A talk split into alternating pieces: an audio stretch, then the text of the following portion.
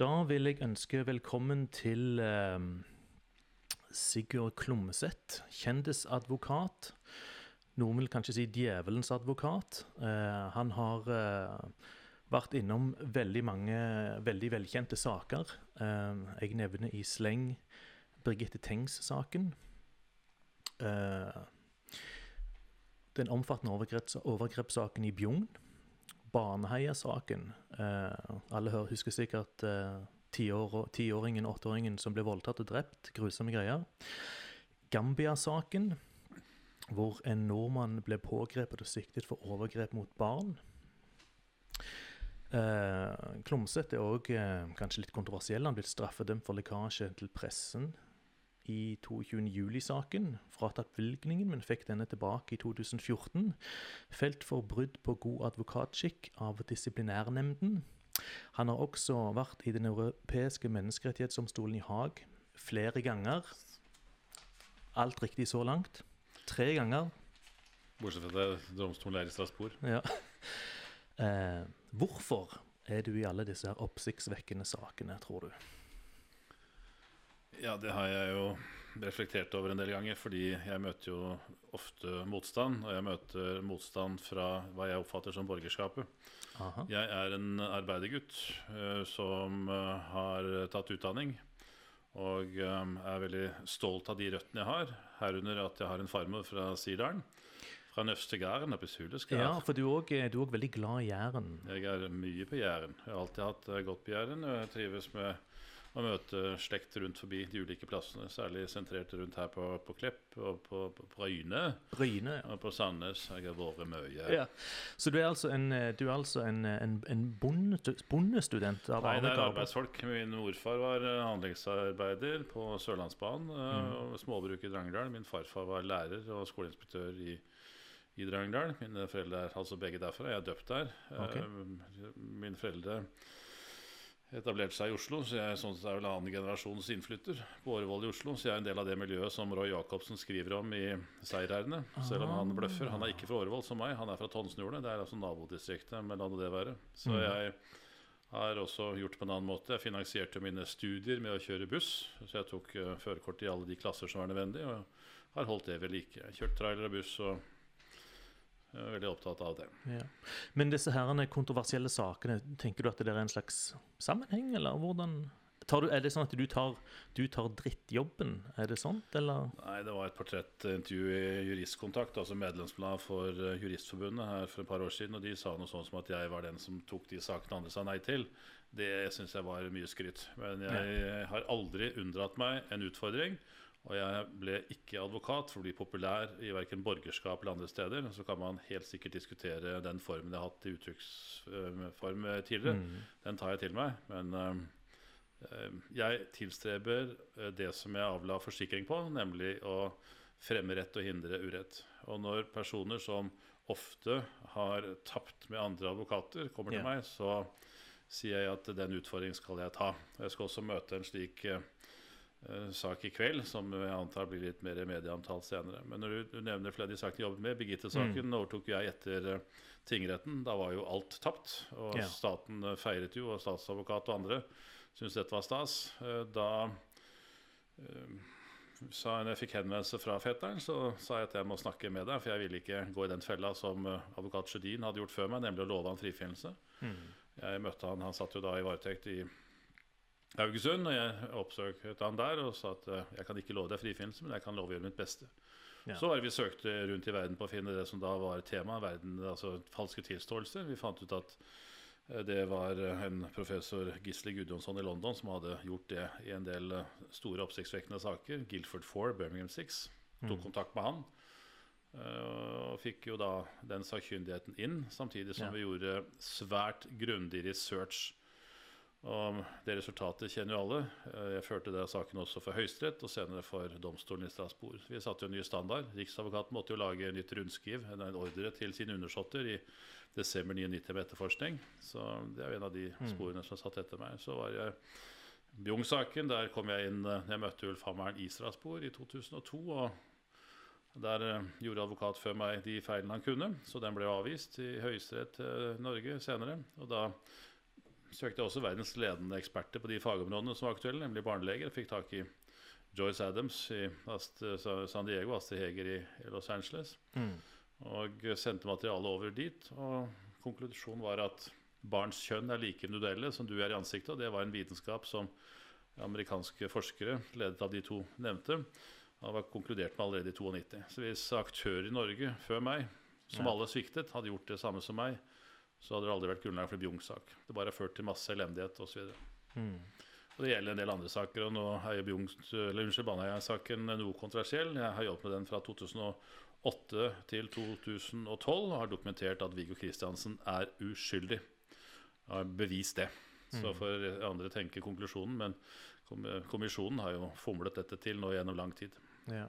Dette med borgerskapet, at de eh, At du blir litt sånn uglesett, eller at du er litt utenfor, eller at du Hva er det det går, hva er det det går på, tror du? Jeg kommer altså fra Årvoll. Jeg kommer fra en uh, annen gruppe enn det som tradisjonelt er uh, juristmiljø.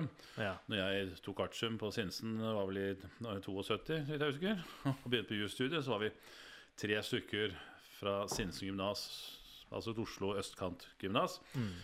som navnet tilsier, nærheten av Sinsenkrysset, som, eh, som tok, eh, begynte på jusstudiet, og fra vestkanten så kom det hele klasser. Jeg var med å starte eh, Arbeiderpartilag på jussen i 1977, og da ble vi omtalt i Universitas, altså Universitetsbladet som sånne rene Baden-Meinhof-sympatisører. Så det var nivå. Men det var en, også en fin tid. Vi hadde toneangivende styremedlemmer som Olav Hestnes, eh, Jens Evensen og, og andre som jo dro oss dette i gang, og vi dro det videre. Senere er partilaget dessverre blitt nedlagt. Er det, ikke, er det ikke litt sånn Jeg tenker sånn Når du har så høyt profilerte saker, ikke sant, og det er jo veldig mye som er avhengig av altså, prestasjonen din, ikke sant, og det er en enorm synlighet. Er det ikke litt stressende, kanskje? Altså, Du blir så utrolig målt hele tiden. Altså, Ja, jeg syns det er bare utfordrende, men jeg liker ikke å bli mismålt i den forstand at man blir mistrodd. Ja. Du nevnte jo det at jeg hadde blitt straffet. Jeg fikk et forelegg på 20 000 for at jeg skulle lekket bilder i Behring Breivik-saken. mm, Jeg har ikke lekket noen bilder i Behring Breivik, og jeg har bevist at det er usant. Men eh, politiet har jo store problemer, fordi vi fikk jo tilgang til eh, harddisken til den politimannen, mm, som jo for øvrig gjorde karriere i løpet av 14 dager, ble, gå fra betjent til overbetjent. En karrierevei som Finn Abrahamsen eh, sa han trengte 17 år på nå. Så men, det, men det er en dom som, er en dom som, som står, eller? Ja, det er en dom som står, så Ja. vært gjenåpnet, ja. Mm, skjønner, skjønner. Men poenget er at eh, når politiet bestemmer seg for noe, og når de, når de, når de lyver, så når de ofte gjennom med det. Baneheia-saken, Birgitte-saken, Bjung-saken er jo typisk eksempler på politiet som har både løyet og manipulert og bløffa. I Birgitte-saken så når jeg kom inn, så var det jo ikke gjort noen nedtegnelse av avhør. altså En kjempeskandale i seg selv. Det hadde altså to lokale advokater her fra distriktet gått i tingretten med. For meg ubegripelig. Og når da vi begynte å grave i dette, altså Erik Nadheim, min kollega og privatetterforsker Harald Olsen, som dessverre er død, og jeg, så var jo politiet veldig opptatt av å få det slik at avhørene hadde ikke vært så mange timer likevel. Jeg tror det var nede i 40-50 timer. Eh, Da gjorde vi det som de ikke hadde regnet med, nemlig vi gikk på fengselet for å få undersøkt når var det at han var kvittert ut for å gå i avhør og komme tilbake. Og da tror jeg vi hentet opp et sted til 150 timer for å ta det på en dårlig hukommelse. Det er sånn de driver. Ja, altså, jeg kan vel egentlig kanskje relatere litt altså, Dette her med at de jeg har gått drevet en slags etterforskning da i den tredje boken, 'Kampen om voldtekt'. da. Den gikk litt i sømmene, hvordan på en måte man konstruerer en slags narrativ, da, og man på en måte prøver å slå politiske mynt på hvilke på en måte fiendebilder man konstruerer da. Så er det liksom hva som skjer på en måte på alle disse kontorene i byråkratiet. I ditt tilfelle liksom hva politifolk gjør, ikke sant. Mm. I dette tilfellet så var det på en måte forskere, journalister, eh, litt sånn studerende. Man finner veldig mye rart når man går, eh, når man dykker dypt ned i, eh, i ting veldig ofte, er mitt inntrykk. Du Eh, opplever det sikkert veldig Jeg er veldig tydelig på at jeg gjør det jeg kan for å finne ut hva som er korrekt faktum. Ja. Eh, Det er mange mange andre som er vel så dyktige og dyktigere enn meg som jurister, men det er ikke mange som tar meg på kunnskap om faktum. Og hvis du kan faktum, så er mye gjort. For det er alltid et ståsted for hva som er sakens realitet. Og, Et objektivt uh, ja, ja, riktig. det skal være objektivt, og det har jo jeg avlagt forsikring på som, eh, ferdig juridisk kandidat, og det er mange som glemmer. I dag så er veldig mange av mine kolleger, eh, sånn som jeg tør hevde, medisinske sensasjoner. De står oppreist til tross for at de mangler ryggrad. Og de er veldig mye opptatt av prestisje og penger framfor eh, resultatet for den enkelte klient. Ja. Jeg går i krigen for klientene, og jeg holder også den fanen høyt. Jeg var med å finansiere Fangers pårørende. Jeg har støttet finansielt også Fangehåndboka. Ja, du kom rett ifra, du kom rett ifra fra Åna nå, ikke sant? Du I dag har jeg ja. hatt en eh, reise fra hjemmet til Oslo klokka halv seks. Mm. Har gjort fengselsbesøk rundt uh, kysten og avsluttet uh, på Åna i ettermiddag. Og skal tilbake dit i morgen for å ta en, en videre tur til slik det ligger an nå, da. Ja. til Bergen for å forberede saker der. Ja, det er travle dager. En liten shout-out til, til søsteren min, Linda Therese Møller, som jobber på Åna. Bare for, bare for moro. Eh, jeg har lyst til å på en måte bare tegne et lite bilde, en slags eh, litt sånn artig narrativ, eh, bare for å skape en litt sånn ramme for dette neste segmentet vi skal over i. Og det er jo det eh, et veldig vanlig tema i eh, westernfilmer eh, som følger. Du har den lille søvnige byen, landsbyen gjerne, og så har du den lokale kvegbaronen som eh, terroriserer og plager innbyggerne i denne landsbyen, da gjerne spesielt noen svake. Og så eh, er, ser eh, offeret, eller ofrene da, ingen annen utvei enn å gå og prøve å finne en gunslinger. Og da er det gjerne en, eh, en person, da. Denne gunslingeren har gjerne, gjerne mange feil. Det er ingen perfekt person overhodet. Men han har også noe riktig ved seg, da, og det er da at han har det som skal til for å få, for å få jobben gjort. Og da er det gjerne etter å liksom møte denne, denne gunslingeren da, som motvillig da til slutt går med på å komme til landsbyen og disse folkene til unnsetning, da, og så er det det store, det store oppgjøret. Og ehm, du i dag er jo litt sånn denne gunslingeren. Hva syns du om dette, denne, denne narrativen? da? Passer dette her Han er veldig bra på det som nå skal skje? Vi har ikke fylt inn alle rollene ennå i dette her. Ehm, vi kan jo nevne Arvid Gimre. Passer han som uh, dette arme offeret? Og passer Olav Stangeland som den eh, brutale kvegbaronen som tar seg til rette? Jeg har aldri møtt uh, Olav Stangeland. Jeg hadde en store glede å møte hans far mm. i 2010. Da var jeg forsvarer i en drapssak uh, i området her, hvor vi uh, kanskje mest ble kjent for noen fordi vi som uh, istedenfor å dra et lik som var umulig, så hadde vi en gris. Og Oi. statsadvokaten forsto jo ikke at det er det man også gjør i Forsvaret. Men da var vi her en stund og kjørte forbi og var inne og hilste på det gamle Trygve Stangelands på hans museum. Jeg har også vært forsvarer oh, ja. for eh, noen som ble tiltalt og dømt for å ha ranet hjemme hos Stangeland. Oi. Og eh, fru Stangeland og venninnene oppfattet jo først som eh, at det var en, et stunt. Det var det aldeles ikke. Men det var den saken som førte til at Tina Jørgensen ble funnet. Hun ble ikke funnet av politiet fordi de lette etter henne da, men det blir funnet fordi man etter dette ranet hjemme hos eh, Stangeland Mm. lette forskjellige steder, og da tittet opp i kummene i Bore kirke. Det er Oi. eh, virkeligheten om det, ikke den skjønnmalingen som politiet har søkt å fremstille det som. Men tilbake til uh, det du spør om. Ja. Uh, Jeg har veldig stor respekt for Stangeland og hva de har Mm. gjort og hva de har fått til. Skapt arbeidsplasser. Det er jo noe av det som jeg liker. De Det er jo en hjørnesteinsbedrift. Oh, ja, ja. ja. Jeg, er jo ar- arbeiderpartimann og fagforeningsmann. Jeg er medlem av Oslo Jern Metall. Jeg Mm. holder 1. mai-taler og har veldig sans for, for det. Og har sånn inntrykk at Stangeland er en, en solid bedrift som har gjort uh, veldig bra for veldig mange. Mm. Men her var det jo en episode som du viser til, og jeg, er, jeg kjenner jo Gimre fra tidligere. Jeg kjenner jo denne konflikten med, med låven og tipping av grus og osv. Ja. Dette har ikke noe med det å gjøre. Det her har uh, Gimre leid ut et område på et bygg han har på sin egen eiendom, til Mm. å uttrykke misnøye med. Og eller benytte sin eh, rett til, til å uttrykke sin misnøye. om Stangeland og den virksomheten de bedriver i forhold til eh, utbygging av vindkraft.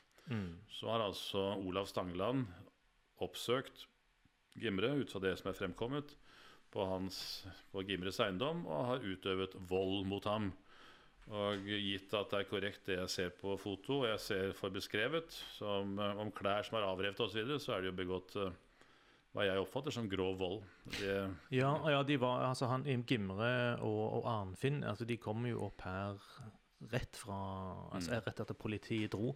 Eh, greit å bare gi litt sånn kontekst til de som ser eh, denne episoden først. Eh, det er jo på en måte litt sånn et trekantdrama her som, som pågår. Og det ene er eh, at eh, Arvid Gimre og Olav Stangeland har en historie som på en måte har pågått før eh, vindmøllekontroversen på Haramsøy, da, hvor det var en, eh, eh, en kjøpskontrakt. Eh, og så var det noe uenigheter om hvordan denne skulle tolkes, Mm.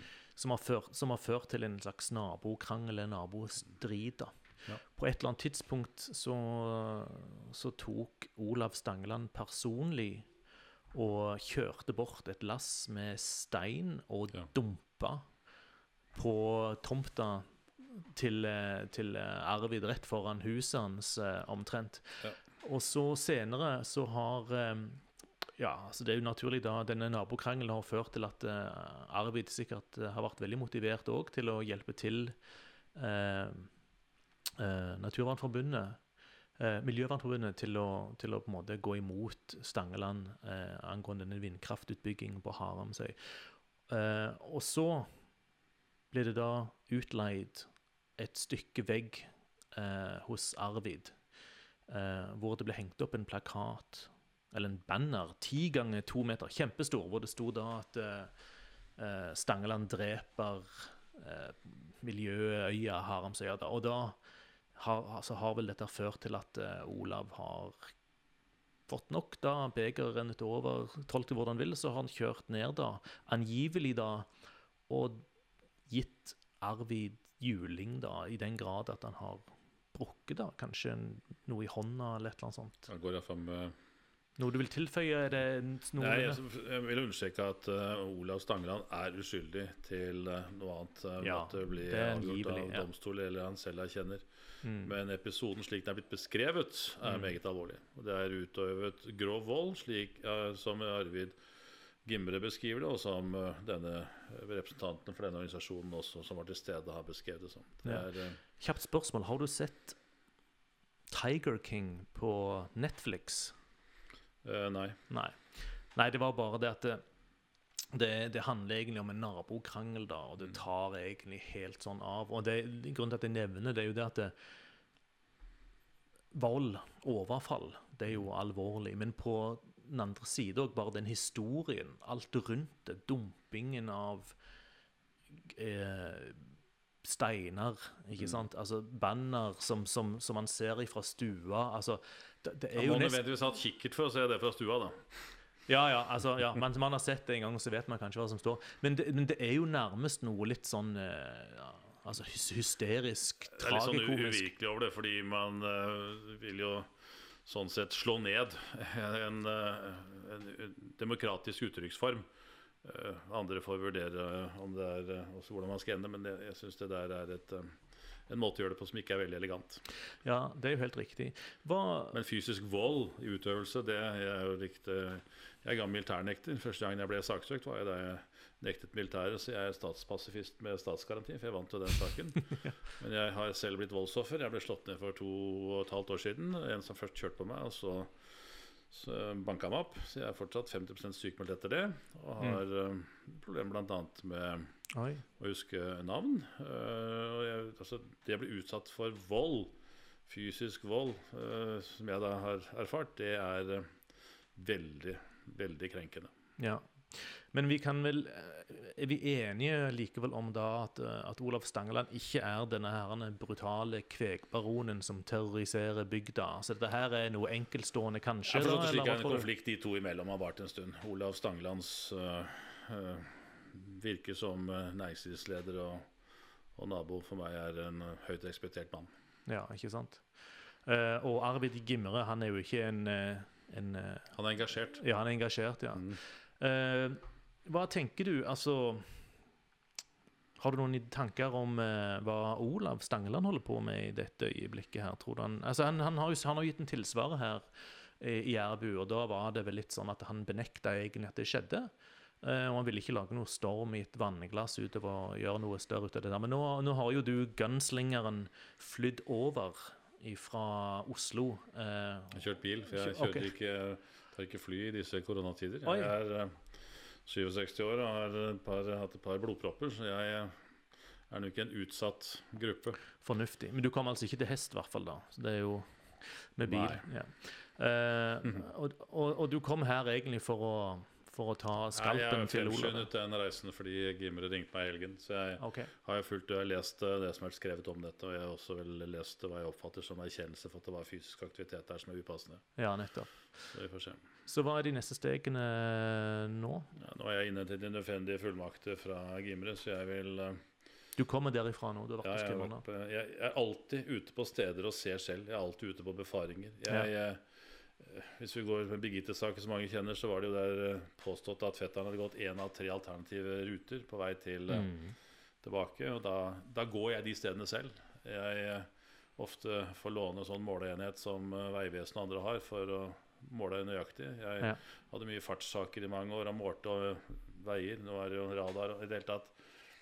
Jeg mener at det er riktig, og det er viktig. Jeg sier som professor Brattholm sa da han fikk rettssikkerhetsprisen i 2007, var det vel, som den første, at jeg har alltid ment at man må undersøke selv, og ikke ta for gitt det man blir presentert av andre. Og det er min ledetråd. Mm. Jeg har eh, jo jobbet med mange av disse sakene som har vært kontroversielle, som du nevnte innledningsvis. Eh, Oslo-korrupsjonssaken nevnte du ikke. Der var jeg forsvarer for den påståtte hovedmannen eh, tilbake til 80-tallet. Før det Mm. så mente jo mange i alle fall at korrupsjon det hørte bare Cecilia og andre land til. Vi har jo hatt det i norske samfunn i mange år og ser det jo hver dag. Ok. Det er vel også det som mange mener at Stangeland gjennom sin eh, samfunnsposisjon har eh, fått en del fordeler som eh, andre ikke får. Man ser jo det rundt forbi at eh, ærbødigheten fra offentlig myndighet er så stor at eh, man ser gjennom eh, Ja, dette her er noe Det har kommet mange henvendelser i dag og tiden senere om, eh, om det. det, Ok, så, det, så dette her på en måte pisker opp litt, og da får du flere som på en måte kommer Det er litt sånn metoo. Altså de kommer og forteller om ting som har eh, Ja, for det ja, for jeg har hørt at det er flere som sier det, da, at eh, Trygve og sønnen det er, ikke helt, eh, det er ikke helt det samme. Jeg kjenner ingen av de, men det er det jeg har hørt flere ganger, da, at folk har, har repetert. Hvis du, får, eh, hvis du får viljen din i retten, hva skjer da med Olav? Ja, ja, ja. Først så uh, er det et lovkrav at politiet, når de har fått en anmeldelse, skal gjøre en etterforskning. Det er eh, straffeprosessloven 226. Eh, Da har politiet plikt til å sørge for det og undersøke hva som det, det er objektivt, og, og så videre, det som er til gunst og ugunst osv. Og da blir det opp til andre enn meg å vurdere hva som kommer ut av etterforskningen. Men, tror, du det, men tror du det kan være et problem? For du, du, du nevnte jo nettopp, og andre har vel også sagt det, at han Olav er en fly, innflytelsesrik mann her. Ja, jeg sjeneres ikke av det, men uh, vi skal du gjør ikke det, men Nei. kanskje, politi, kanskje politiet Nei, som men skal vi får tro at politiet forstår alvoret. Det er jeg sikker på de gjør. De var jo på stedet umiddelbart og tok avhør. Ja, Så nå skal jeg få tilgang til, eh, be om å få tilgang til saksdokumentene. nettopp, nettopp. Og ta det derfra og gjøre eventuelt egne undersøkelser.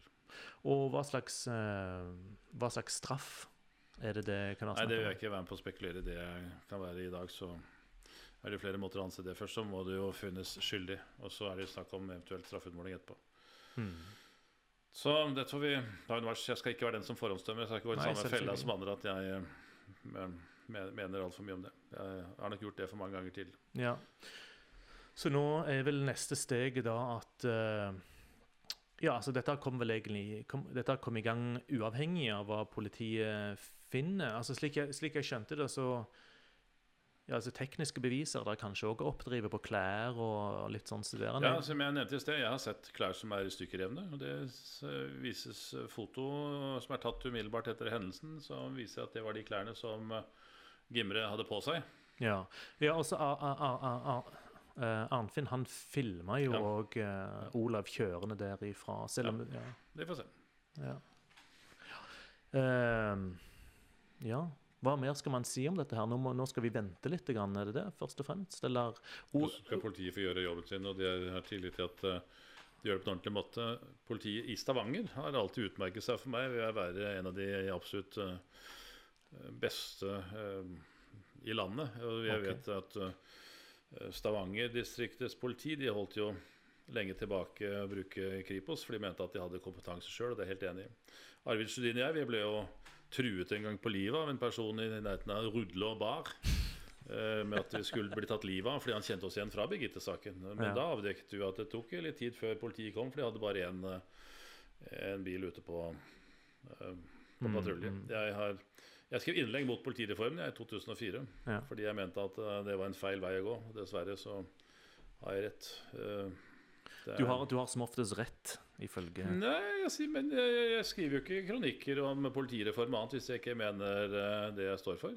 Mm. Jeg har jo sjøl også i funksjon av å være mm, også bistandsadvokat, en annen funksjon, nemlig å se hva som er det beste for vedkommende. Og hvis man har et veldig sentralisert politi, som nå har vært modellen lenge, Ja. så mister du nærheten til miljøene. Du mister nærheten til mulighet for å fange opp. Jeg har selv sett i mange saker hvor viktig det er at man har lokalkunnskap. Klart. Ikke sant? Eh, Og i det hele tatt, fram og tilbake, en av mine kanskje bedre historier er eh, hjemme i Drangedal. At eh, der var en eh, god eh, nabo av mine foreldre som hadde hatt en del branner gjennom årene. og eh, nå skulle politiet liksom vise at nå skulle de ta han, og så gjorde de narr av at fordi han hadde oppgitt, eh, oppgitt i forsikringspapirene at han hadde kjøpt eh, mye utstyr i, i Drangedal bokhandel. Og da, da var det jo brent opp både soveposer og alt annet. Altså For det første hadde ikke politien tenkt tanke på at det, noe, det, det brenner jo opp ved forskjellige eh, grader og osv. Det, det politiet den gangen, litt mer sentralt, ikke hadde fått med seg, Mm. det var jo at Drangedal bokhandel også hadde en egen sportsavdeling. Som da solgte soveposer og annet. Det visste jo jeg, fordi jeg hadde gått den runden. Nettopp, ja. ja. OK. uh, vi får Hvis det er en sak du gjerne vil at jeg skal snakke mye om, så er det Scandinavian Star.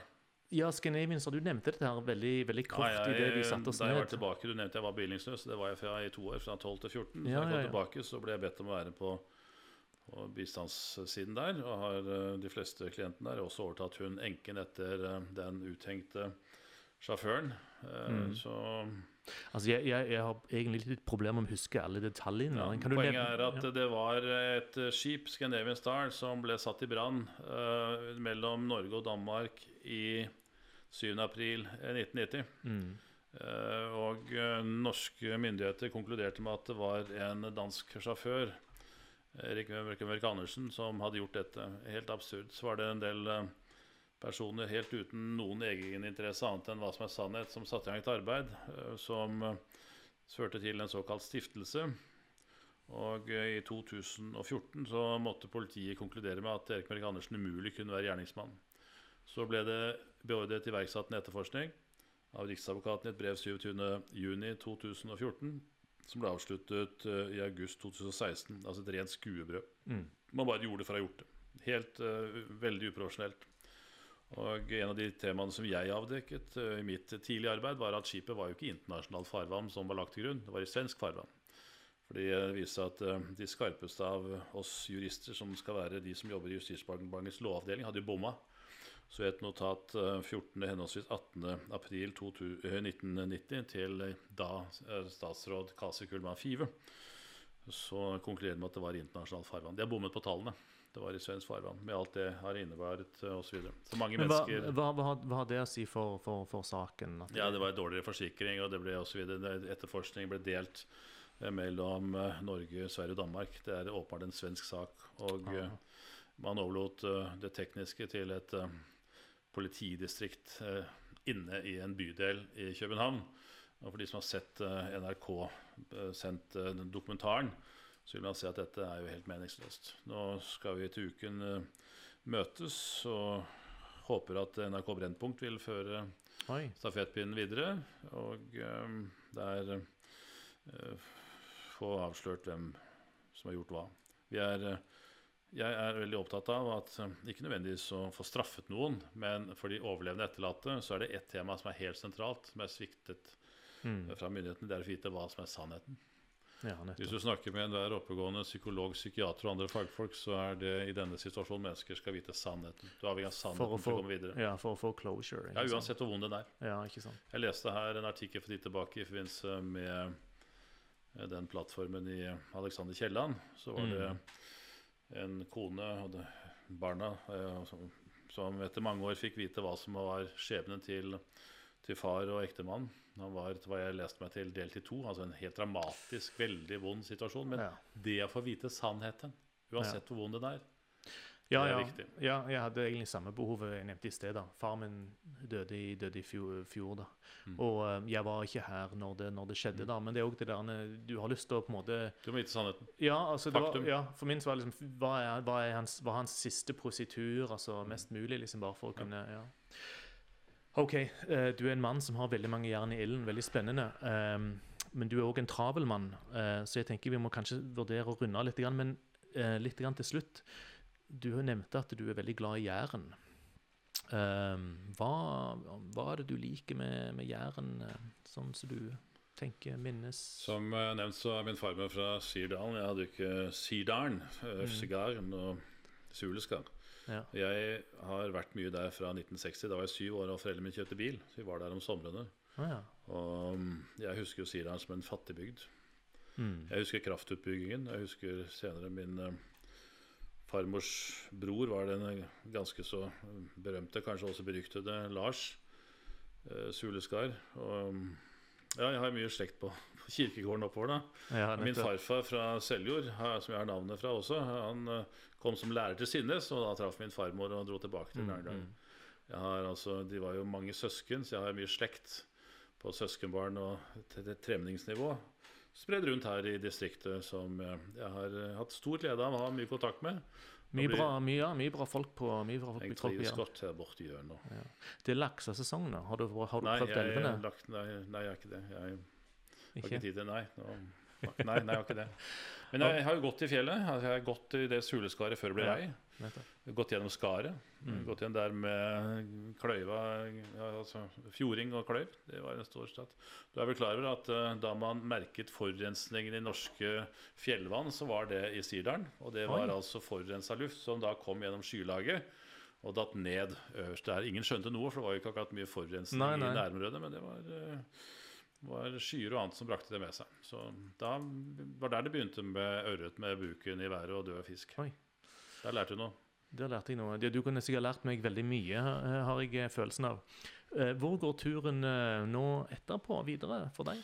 I kveld så skal jeg møte noen klienter som har spurt etter meg. Som jeg skal undersøke en sak som du kanskje vil høre mer om senere. Og så Ja, er det vel en, en Vi skal møte ut på, på Bryne senere i dag. Det finnes også en sak som kommer opp. Hvor mange, hvor, hvor mange saker har du gående nå som du må forholde deg til personlig i hodet ditt? nå? Det får jeg da til spørsmål om. Det Du har sikkert sekretærer og alt Og sånt, Nei, nei, altså nei det, det var før det. Nå tar jeg mye av det sa jeg alene. Jeg er jo egentlig pensjonist.